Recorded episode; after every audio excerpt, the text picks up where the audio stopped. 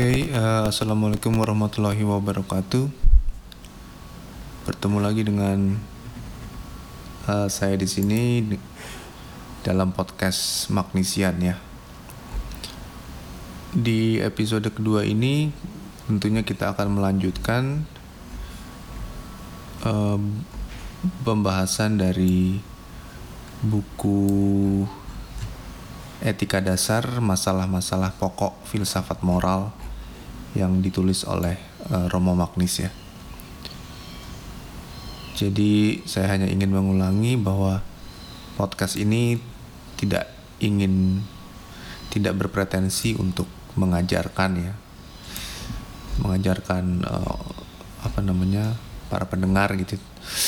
Tapi di sini sebenarnya saya hanya ingin berbagi ya, berbagi tentang pemikiran-pemikiran uh, Romo Magnis. Karena ya karena menurut saya mungkin masih sedikit yang uh, mengangkat pemikiran-pemikiran Romo Magnis uh, via podcast gitu ya.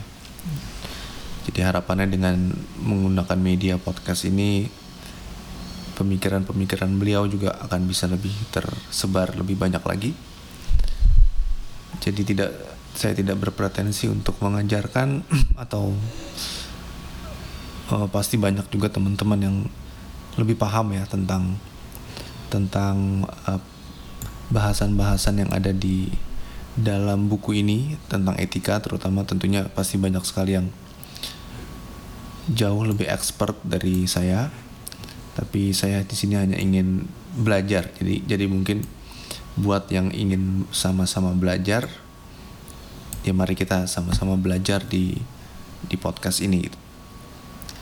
mungkin ada jika ada tanggapan jika ada uh, bantahan mungkin atau ada input ya masukan dan lain-lain bisa disampaikan di via Instagram saya ya jadi ada di ada di uh, di depan bisa dibaca di di bio-nya di podcast ini. Oke, jadi kita akan mul memulai membahas dari sub bab 4 ya. Di bab 1 masih bab 1.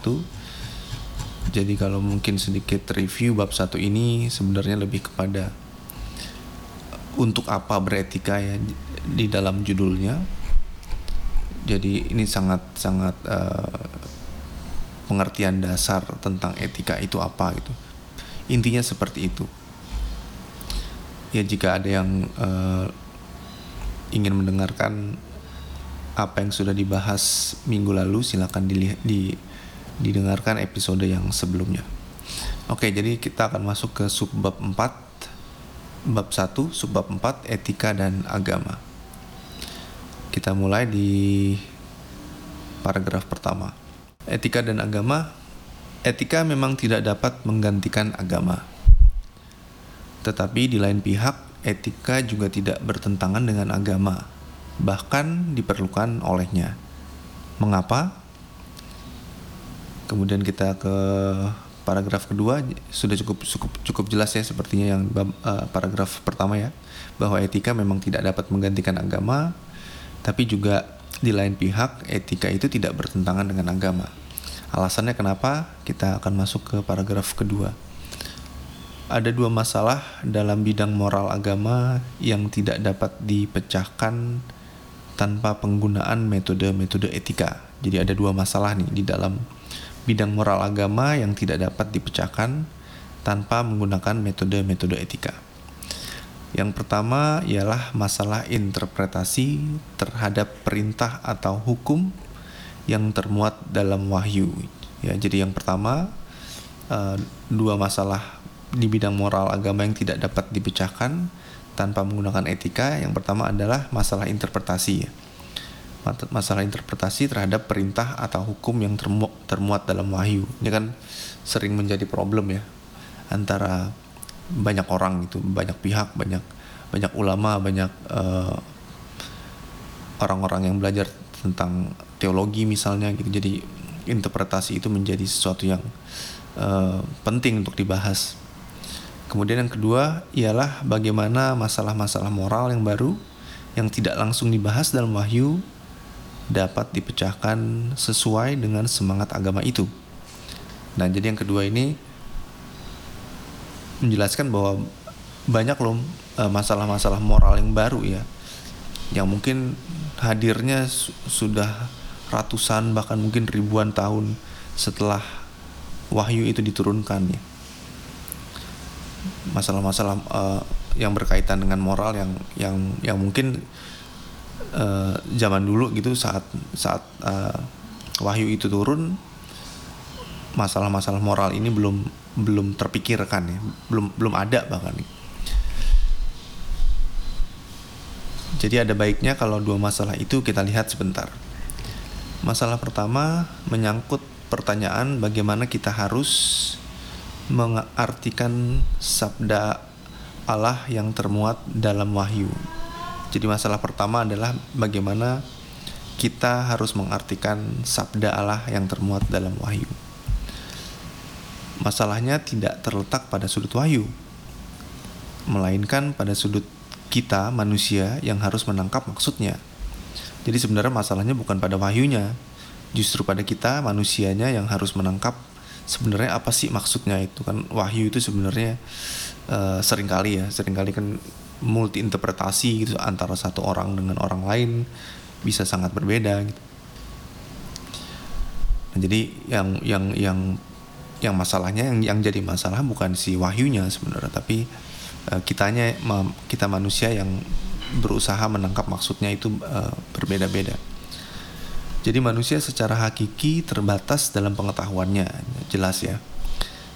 Maka ia tidak pernah mendapat kepastian 100% apakah ia memahami maksud Allah yang termuat dalam wahyu secara tepat gitu ya karena kita manusia itu terbatas pengetahuannya jadi tentunya uh, kita tidak punya kepastian uh, eh, 100% apakah yang ada di, di dalam wahyu itu ya memang memang secara literal gitu ya, ya yang dimaksud oleh Tuhan. Karena kerangka pengertiannya terbatas. Maka ia dapat keliru dalam membaca wahyu. Justru yang menyangkut kebijaksanaan hidup, para ahli dari agama yang sama sering berbeda pendapatnya tentang apa yang sebenarnya diharuskan atau dilarang dalam kitab wahyu. Nah ini jadi semakin jelas bahwa uh, karena kita terbatas ya uh, cara kita memahami cara kita mencerap pengetahuan gitu uh, ilmu pengetahuan itu terbatas ya. Sepinter-pinternya kita gitu se sejenius-jeniusnya kita tentu saja kita masih tetap terbatas. Justru yang menyangkut kebijakan hidup para ahli dari uh, agama yang sama sering berbeda pendapatnya tentang apa yang sebenarnya diharuskan atau dilarang dalam kitab wahyu gitu. Jadi justru tentang kebijakan kebijaksanaan hidup malah terjadi per, sering terjadi per, perbedaan pendapat. Uh, kemudian kita lanjutkan untuk memecahkan masalah itu perlu diadakan interpretasi yang dibahas bersama sampai semua sepakat bahwa itulah yang mau disampaikan Tuhan atau Allah kepada manusia. Jadi um, untuk memecahkan uh, problem atau masalah yang tadi dijelaskan di atas perlu diadakan interpretasi yang dibahas bersama sehingga semua sepakat itulah yang mau disampaikan uh, Tuhan kepada manusia. Dalam usaha untuk menemukan apa pesan wahyu yang sebenarnya bagi kehidupan manusia, metode-metode etika perlu dipergunakan. Jadi etika itu metode etika digunakan untuk menemukan apa sebenarnya uh, message atau pesan uh, wahyu yang sebenarnya bagi kehidupan kita di uh, kita manusia ya. Begitu juga etika merangsang kita untuk mempertanyakan kembali pandangan-pandangan moral agama kita. Nah, justru nih et, uh, etika merangsang kita nih untuk mempertanyakan kembali uh, terutama pandangan-pandangan moral di dalam agama kita. Ya tentunya pandangan moral di, di dalam agama relatif ya relatif mungkin sama gitu. Tentunya masalah baik dan buruk relatif, relatif sama gitu. Nah justru di sini uh, etika hadir untuk merangsang kita mempertanyakan kembali apakah uh, misalnya uh,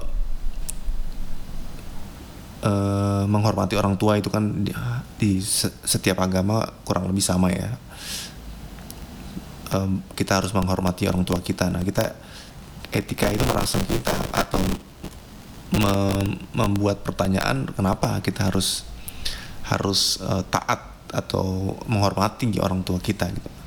Apa maksudnya uh, apa argumentasinya gitu. Jadi tidak jarang kita akan menemukan bahwa sesuatu yang kita anggap sebagai ajaran agama kita ternyata hanyalah pendapat satu aliran teologis atau mashab hukum tertentu. Sedangkan apa yang dikatakan dalam kitab suci ternyata mengizinkan interpretasi lain. Nah ini sering sekali ya terjadi bahwa yang kita sering dengar itu sebenarnya adalah pandangan satu ulama, pandangan satu um, pendeta, pandangan satu uh, ya ustadz gitu ya misalnya.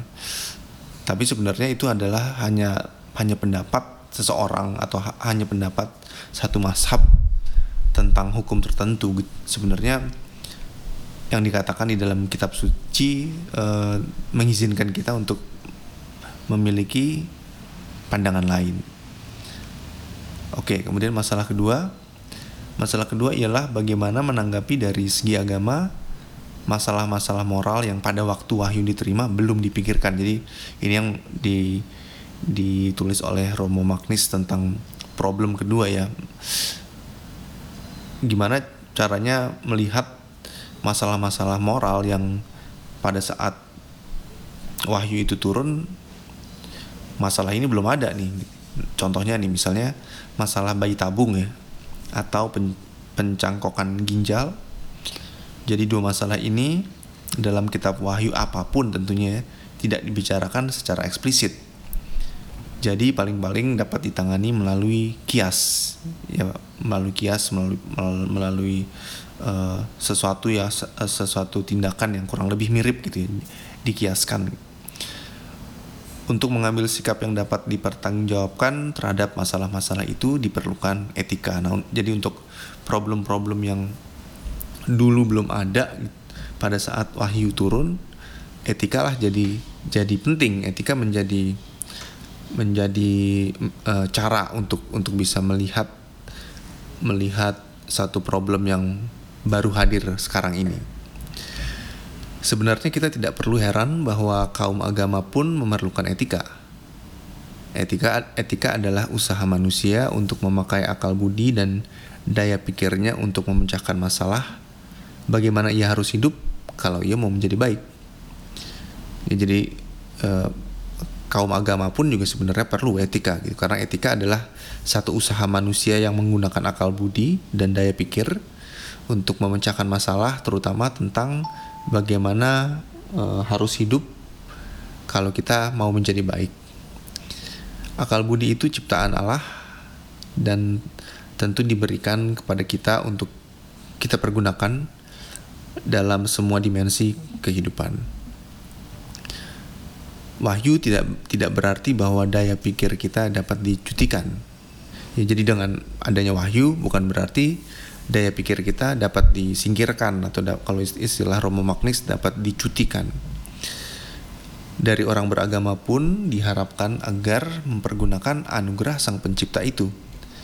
Jangan sampai akal budi dikesampingkan dari bidang agama. Itulah sebabnya mengapa justru agama, justru kaum agama diharapkan betul-betul memakai rasio dan metode-metode metode etika.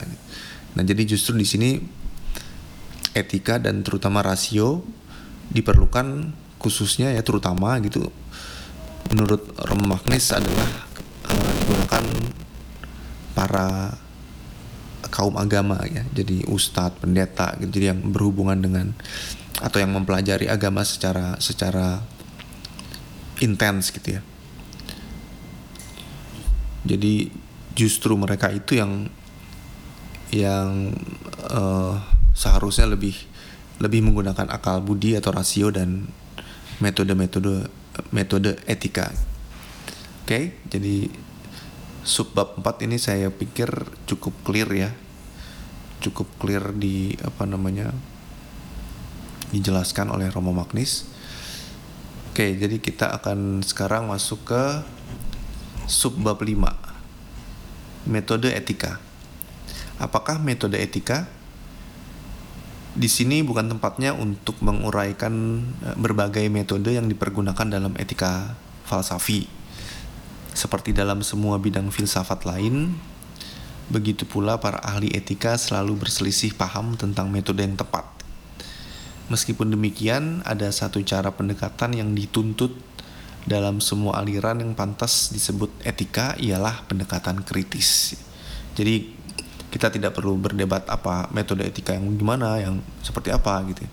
Tapi di sini Romo Magnis menjelaskan bahwa ada satu cara pendekatan yang dituntut dalam semua aliran yang pantas disebut etika ialah men, e, menggunakan pendekatan kritis. Etika pada hakikatnya mengamati realitas moral secara kritis. Etika tidak memberikan ajaran melainkan mem memeriksa kebiasaan-kebiasaan, nilai-nilai, norma-norma dan pandangan-pandangan moral secara kritis. Jadi etika sebenarnya lebih melihat atau lihat me, me, melihat secara kritis uh, kebiasaan, nilai-nilai, norma-norma ya. Jadi dia bukan bukan bukan mengajari gitu, bukan bukan ngajarin orang gitu, ya, bukan menggurui orang. Kemudian Etika tidak membiarkan pendapat-pendapat moral begitu saja, melainkan menuntut agar pendapat-pendapat moral yang dikemukakan dipertanggungjawabkan. Etika berusaha untuk menjernihkan permasalahan, moral. Jadi ini kalimat terakhir yang menjadi penting ya. Etika itu bukan ngajarin ya, bukan uh, mendikte orang harus berbuat ini itu gitu, tapi etika justru berusaha untuk menjernihkan uh, problem-problem yang berkaitan dengan dengan moral. Nah, sekarang kita masuk ke subbab 6 ya. Subbab 6 ini kita akan membahas secara spesifik di, di buku ini tentang moral. Jadi apa arti kata moral? Sampai di sini kita sudah sering memakai kata moral. Tetapi apa yang sebenar, sebenarnya dimaksud dengan kata itu? Jadi kan dari episode pertama sampai sekarang ya bahkan kita sangat sering mendengar istilah moral ya. Nah sekarang ini akan uh, di dalam subbab ini Romo Magnis akan menjelaskan tentang apa sih sebenarnya yang dimaksud dengan moral itu. Manusia dapat dinilai dari banyak segi. Kita misalnya mengatakan Pak Iman adalah seorang dosen yang buruk tetapi seorang manusia yang baik. Ia seorang dosen buruk karena misalnya ia selalu hanya membacakan teks bukunya saja sehingga para mahasiswa mesti mengantuk. Tetapi ia sekaligus seorang manusia yang baik.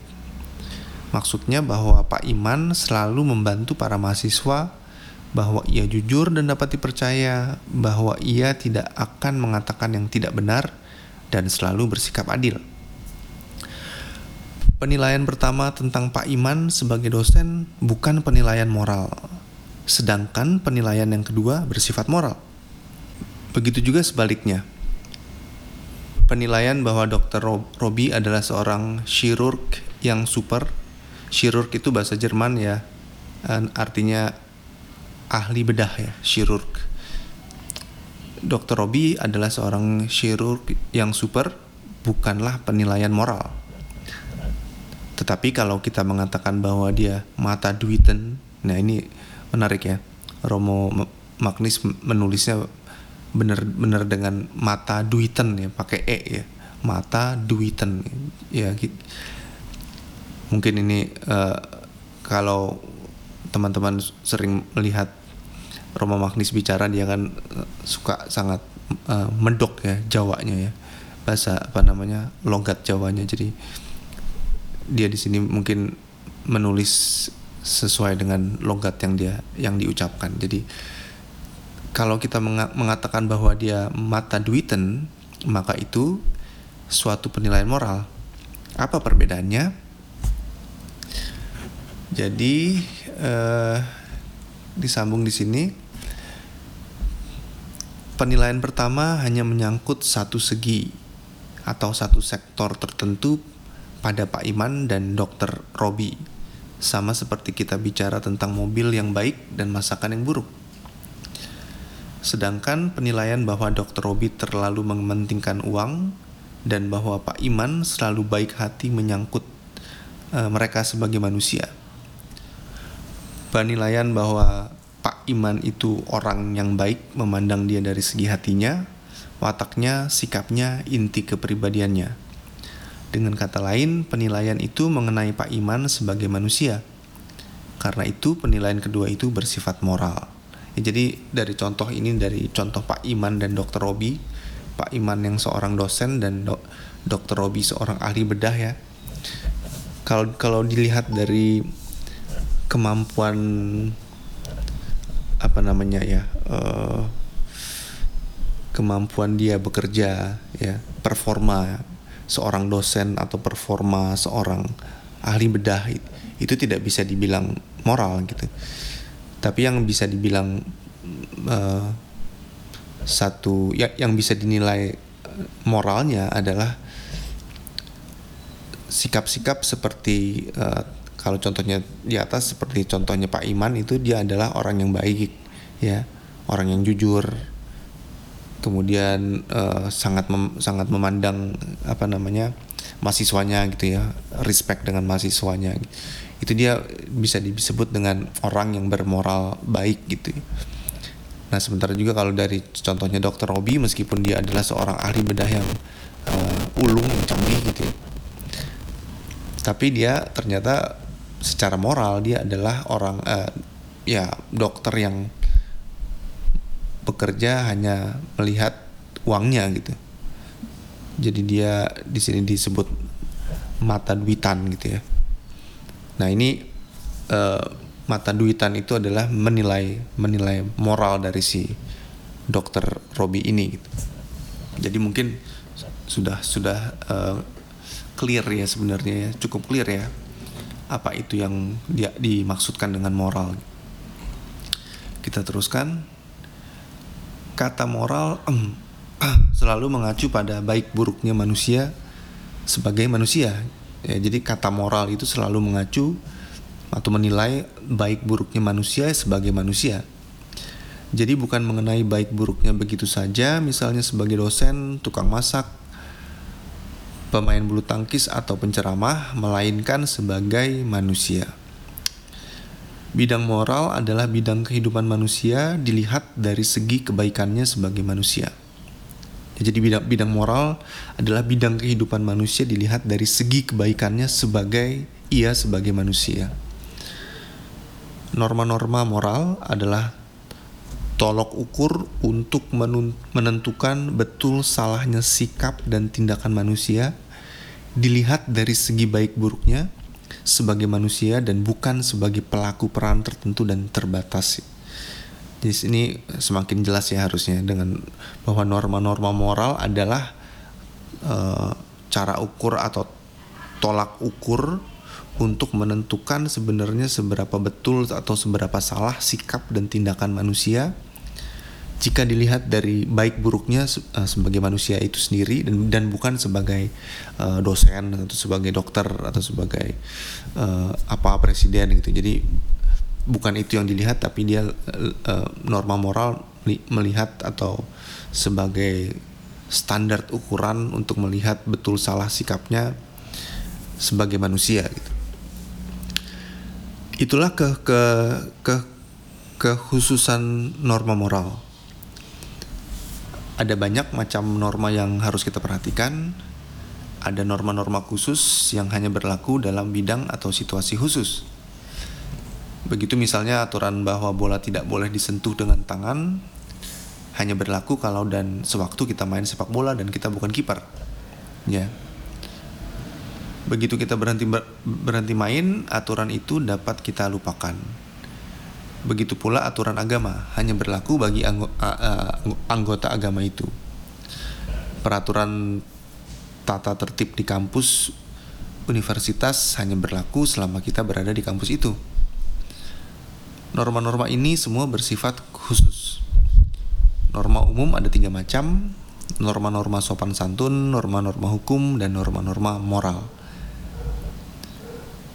Nah ini jadi di paragraf ini mulai dibedakan ya. Antara norma ada ada tiga norma ya. Norma sopan santun norma hukum dan norma moral gitu. Norma sopan santun menyangkut sikap lahir lahiriah manusia. Meskipun sikap lahiriah dapat mengungkapkan sikap hati dan karena itu mempunyai kualitas moral. Namun sikap lahiriah sendiri tidak bersifat moral. Jadi sikap uh, norma sopan santun dia dia uh, sifatnya lebih kepada sikap lahiriah manusia tapi tidak serta tidak serta serta merta sik, sikap lahiriah itu dapat me, apa namanya memiliki kualitas moral. Orang yang melanggar norma kesopanan karena kurang mengetahui tata krama di daerah itu atau karena dituntut oleh situasi misalnya ke, misalnya kita mendorong ibu ibu bupati sampai jatuh ke sawah ke sawah supaya tidak tertabrak oleh truk yang remnya blong. Tidak melanggar norma-norma moral.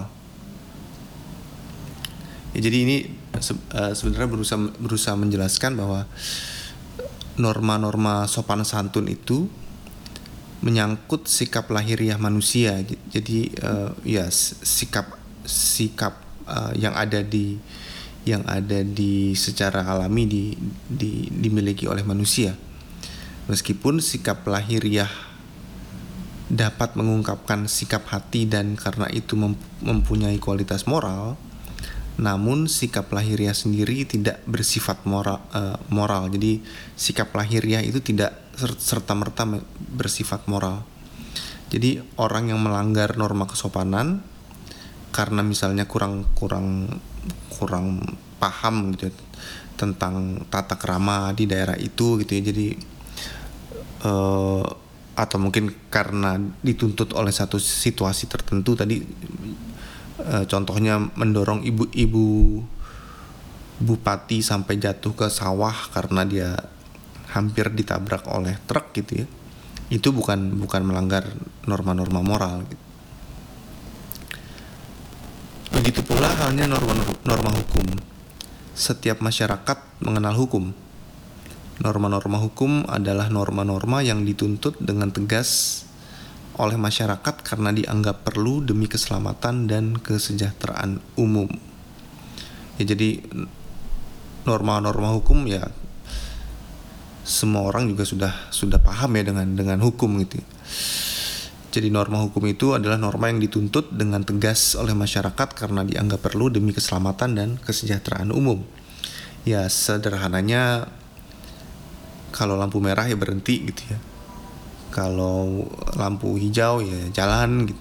itu itu norma hukum yang sangat sangat simpel ya kalau ada rambu lalu lintas P dicoret berarti dilarang parkir gitu. Ya seperti gitu ya. Norma hukum adalah norma yang tidak dibiarkan dilanggar.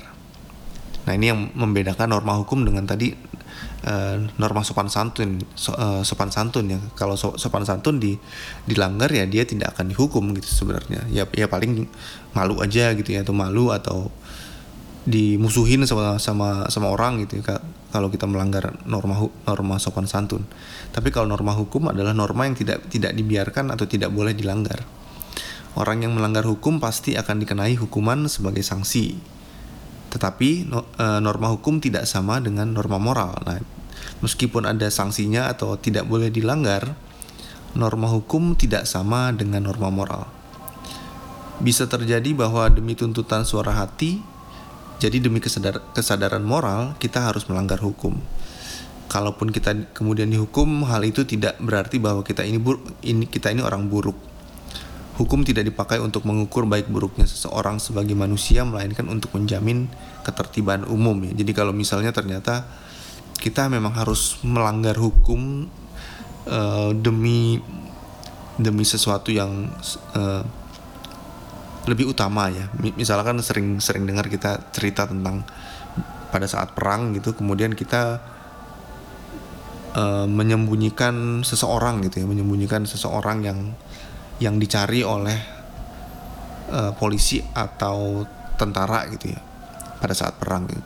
tapi demi demi keselamatan dia demi keselamatan manusia ya seorang manusia ya kita kita harus berbohong kepada tentara atau siapa pun yang datang ke rumah kita dan menanyakan apakah di sini ada orang ini gitu. kemudian kita bisa berbohong ya untuk demi menyelamatkan dia jadi itu kan sebenarnya melanggar hukum gitu. kalau kita ketahuan kita bisa dihukum tentunya karena kita menyembunyikan menyembunyikan seseorang yang dicari oleh negara katakan gitu nah tapi demi tuntutan suara hati jadi demi kesadaran moral kita memang harus melanggar hukum jadi meskipun kita dihukum nantinya gitu bukan berarti yang namanya hukum itu dipakai untuk mengukur baik buruknya seorang manusia, tapi dia melainkan untuk menjamin uh, ketertiban umum. Nah, so, sekarang kita masuk ke norma-norma moral. Tadi kan sopan santun, norma hukum, dan sekarang ini yang ketiga adalah norma-norma moral. Norma-norma moral adalah tolok-tolok ukur yang dipakai masyarakat untuk mengukur kebaikan seseorang. Nah, jadi norma moral ini akan mengukur kebaikan seseorang maka dengan norma-norma moral kita betul-betul dinilai. Itulah sebab penilaian mor moral selalu berbobot. Kita tidak dilihat dari salah satu segi, melainkan sebagai manusia. Apakah seseorang adalah penjahit yang baik, warga negara yang selalu taat dan selalu bicara sopan? Belum mencukupi untuk menentukan apakah dia itu betul-betul seorang manusia yang baik. Barangkali ia seorang munafik atau ia mencari keuntungan, apakah kita ini baik atau buruk itulah yang menjadi permasalahan bidang moral. Ya, jadi ini di bagian terakhir bab satu ini dijelaskan tentang tiga norma ya, norma sopan santun, norma hukum dan norma moral. Dan terutama yang yang menjadi sorotan penting adalah tentang norma moral gitu karena ini terkait dengan terkait dengan etikanya ya. Jadi norma moral itu yang yang mengukur kebaikan kita sebagai manusia sebagai ses, uh, seseorang. Jadi uh, meskipun kita adalah seorang yang jago main eh, basket gitu ya, jago main bola gitu atau uh, pinter di kelas gitu. Itu tidak tidak tidak bisa menjamin ya atau bis, tidak bisa langsung kita di, disematkan sebagai seorang yang bermoral. Bisa jadi kita seorang yang pintar tapi kita culas gitu atau kita kita pelit gitu misalnya kita kita pelit berbagi ilmu misalnya seperti itu. Itu kan juga berarti kita tidak memiliki nilai moral yang baik ya. Jadi masalah baik atau buruk itulah yang menjadi permasalahan di bidang moral ini. Oke, okay, uh, eh, sebenarnya masih ada satu subbab tapi subbab tujuh ini di sini Romo Magnis lebih menjelaskan tentang uh, uraian di dalam buku ini jadi bagaimana ia membagi uraian di dalam buku ini jadi bagian pertama dia akan membahas uh, kebebasan manusia sebagai dasar moralitas kemudian nanti bagian kedua uh, akan membahas tentang kesadaran moral di dalam diri kita yang terungkap dalam suara hati. Kemudian bagian ketiga akan membicarakan beberapa prinsip moral dasar dan teori uh, teori-teori lah ya. Dan kemudian bagian penutup akan membicarakan sikap-sikap dasar hati yang yang diandaikan dan perlu dikembangkan agar kepribadian moral kita semakin kuat. Jadi sebenarnya lebih lebih kepada uh, pembagian uraian. Ya jadi di edisi atau di episode berikutnya kita akan masuk ke bab 2 ya, bab 2 tapi uh, bagian pertama ya.